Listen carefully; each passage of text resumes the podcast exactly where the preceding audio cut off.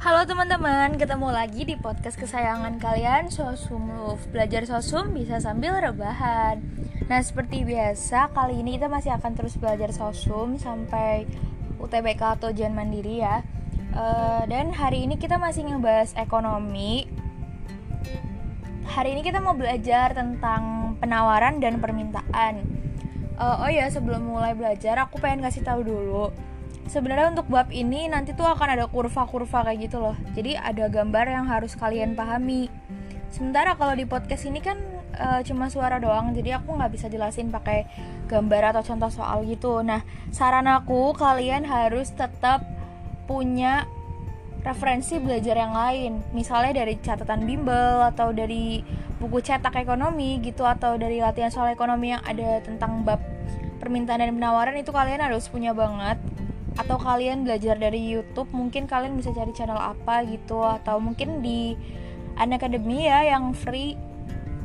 Karena nggak bisa kalau misalnya kalian cuma dengerin podcast ini. Tapi aku bakal coba jelasin teori-teorinya aja ya. Barangkali tetap berguna buat kalian. Yang pertama kita bakal bahas dulu tentang permintaan. Nah permintaan itu disebut juga dengan demand.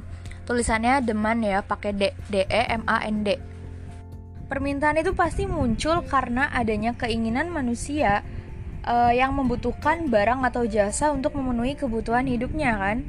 Nah, tapi permintaan itu jangan cuma permintaan, misalnya kita butuh beras karung gitu, tapi kita juga harus disertai dengan kemampuan untuk membelinya. Jadi, permintaan itu muncul karena adanya keinginan masyarakat serta kemampuan untuk membelinya.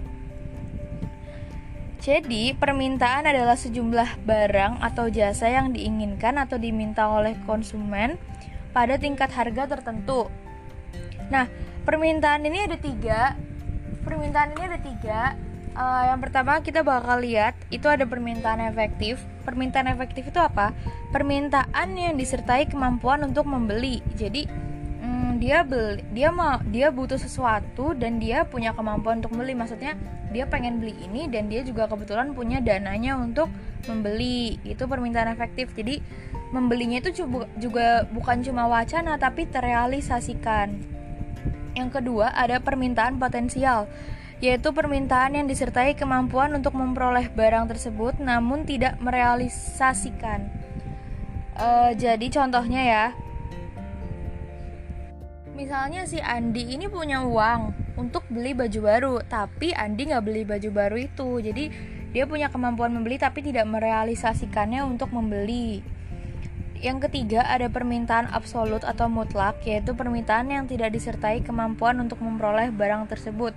Jadi dia nggak ada, misalnya dia nggak punya uangnya dan tapi ya udah karena nggak punya uangnya jadi nggak bisa beli gitu. Nah, uh, terus nanti kita bakal kenalan sama yang namanya bunyi hukum permintaan apa sih bunyi hukum permintaan bunyi hukum permintaan itu jika harga suatu barang atau jasa yang disebut PD, PD-nya P-nya huruf kapital, D-nya huruf kecil, itu naik, maka tingkat permintaan turun. Tingkat permintaan barang atau jasa itu disebutnya KID ya. Q-nya besar, D-nya kecil. Dan sebaliknya, jika harga barang atau jasa PD-nya itu turun, maka permintaan barang atau jasa KID-nya itu naik. Ya simpelnya gini aja, kalau misalnya harga barang lagi murah, pasti orang-orang bakal wah berlomba-lomba dapetin barang itu. Tingkat permintaannya pasti naik. Tapi giliran barang lagi mahal, ya sih bisa mungkin orang pasti nyari alternatif la alternatif lain yang lebih murah atau apa pun itu. Pokoknya kalau bisa jangan dapat yang mahal kayak gitu deh simpelnya ya. Jadi hukum permintaan ini berbanding terbalik sifatnya. Terus di hukum permintaan ini ada rumusnya nih. Rumusnya itu namanya fungsi permintaan.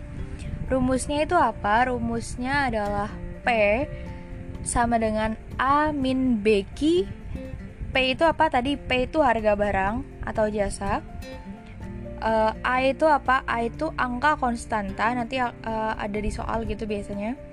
Dikurang Bq. B itu apa? Bq itu maksudnya B dikali Q ya. Bq itu apa? B itu uh, kemiringan kurvanya atau slope nanti bakal ada gitu makanya aku bilang pasti tuh ada kurvanya tapi karena nggak bisa dijelasin di podcast jadi aku kasih rumusnya aja Ki itu jumlah barang yang diminta barang atau jasa yang diminta ya kinya. Nah rumusnya bisa P sama dengan A min B kali Ki A min B Ki atau Ki sama dengan A min BP ya. Tinggal ditukar tempat aja Ki sama P nya sama aja rumusnya. Nah itu tadi fungsi permintaan terus kita kenalan dulu deh sama yang dimaksud dengan penawaran. Penawaran itu kalau tadi permintaan demand kalau ini penawaran adalah supply ya. Tulisannya S U double P L Y. Jadi penawaran adalah sejumlah barang dan jasa yang ditawarkan produsen kepada konsumen dengan tingkat harga tertentu dalam suatu periode. Jadi ini ya memang jumlah barang yang dijual gitu yang ditawarkan barang atau jasa yang ditawarkan. Nah uh, produsen menawarkan barang kepada konsumen dengan tujuan apa? Namanya produsen biar apa? Biar laku. Ya berarti mencapai keuntungan. Makin banyak barang yang dapat dijual produsen makin besar peluang keuntungan yang didapat. Kalau ini uh, dia sifatnya berbanding lurus. Jadi kalau misalnya harga naik maka tingkat penawaran naik. Sebaliknya, harga semakin rendah, tingkat penawarannya itu juga berkurang. Nah, terus kita bakal lihat uh, ini rumusnya apa sih kalau untuk fungsi penawaran? Fungsi penawaran itu rumusnya ada P sama dengan A plus B Q atau Q sama dengan A plus BP. Jadi sama aja, cuma di sini yang berbeda itu cuma tanda plus sama minusnya tadi ya. Kalau kalian perhatikan. Oh iya, terus uh, sebelumnya tadi lupa jelasin, kita balik lagi sebentar ke permintaan ya. Jadi dalam permintaan itu ada faktor-faktor yang mempengaruhi. Ini ada enam faktor. Yang pertama harga barang itu sendiri. Yang kedua harga barang lain yang terkait. Yang ketiga tingkat pendapatan konsumen. Yang keempat selera. Yang kelima jumlah penduduk. Yang keenam perkiraan harga di masa depan. Terus kalau misalnya kalian mau tahu satu rumus lagi tentang hukum permintaan yang pakai P2, P1, Q2, Q1 aku bakal kasih tahu nih. Uh, maaf banget tadi ketinggalan. Jadi rumus lainnya tuh selain yang Q sama dengan Amin BP atau P sama dengan Amin BQ itu ada satu rumus lagi yang pakai P2, P1, Q2, Q1. Rumusnya ya, ini untuk hukum permintaan P2 min P1 per P2 min P1 sama dengan Q2 per Q1 Q2 min Q1 per Q2 min Q1 jadi P2 min P1 per P2 min P1 Q2 min Q1 per Q2 min Q1 balik lagi kita ke hukum uh, maksudnya ke fungsi penawaran kalau tadi fungsi penawaran kan tandanya plus, kebalikannya dari si hukum uh, dari fungsi permintaan. Nah, sekarang kalau rumus P-nya, rumus P-nya itu P min P1 per P2 min P1 per sama dengan Q min Q1 per Q2 min Q1. Nah, itu rumusnya ya.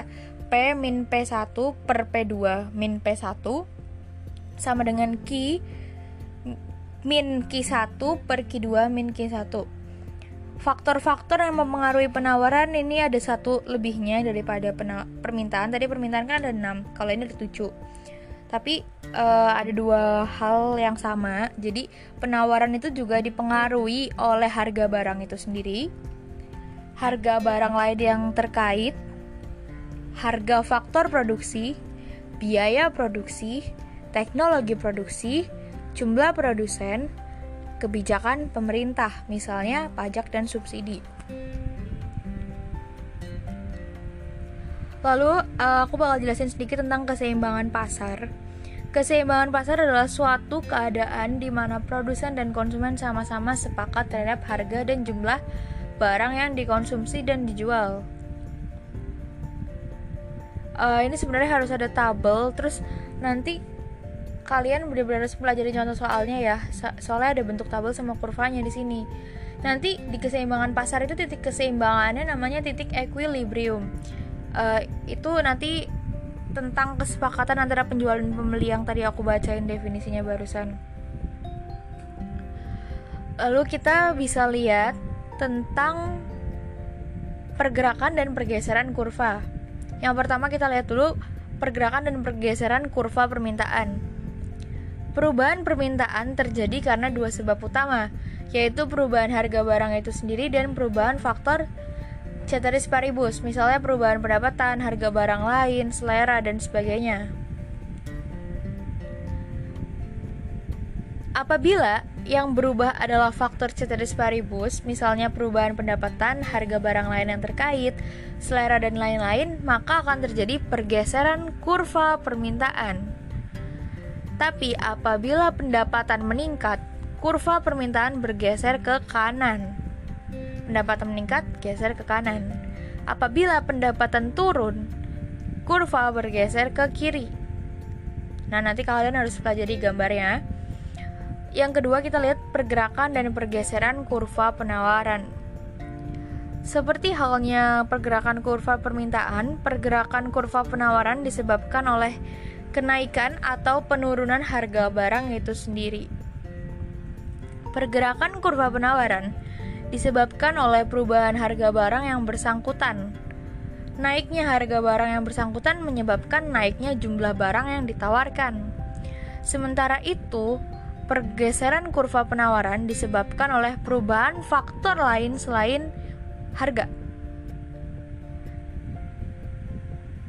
Jadi kita bisa lihat nanti kurva penawar, penawaran ya untuk lebih jelasnya gimana. Soalnya nanti akan ada S1, D1 kayak gitu. Itu benar-benar harus dipelajarin banget bentuknya. Gak bisa cuma dengerin podcast.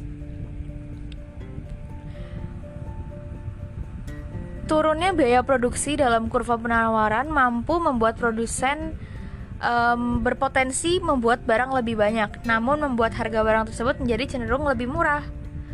Sementara pergeseran kurva penawaran ke kiri atas disebabkan oleh naiknya biaya produksi.